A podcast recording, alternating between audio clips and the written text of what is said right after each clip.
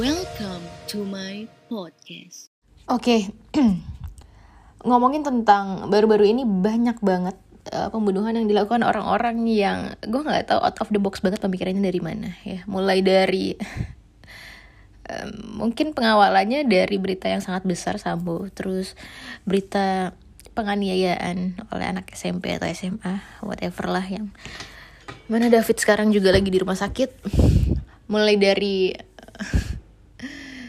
ibu-ibu yang dicor di salah satu rumah meninggal terus itu dicor dibunuh. Kemudian pembunuhan di Pontianak juga driver Maxim dengan plat F. Gue gak ngerti banget ini gue rasa banget.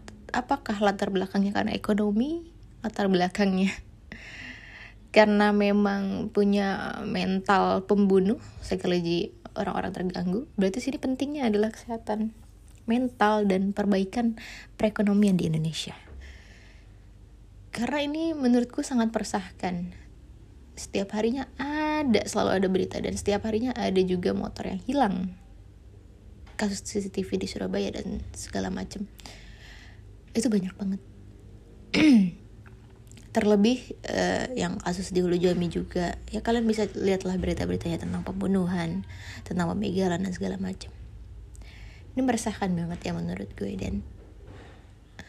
Gue gak ngerti pihak-pihak yang ikut andil untuk membenahi ini itu selain pemerintah itu siapa lagi. Salah satu itu dua hal yang mungkin sekiranya menurut gue adalah hal yang sangat meresahkan itu latar belakangnya akibat perekonomian dan salah satunya adalah kesehatan mental.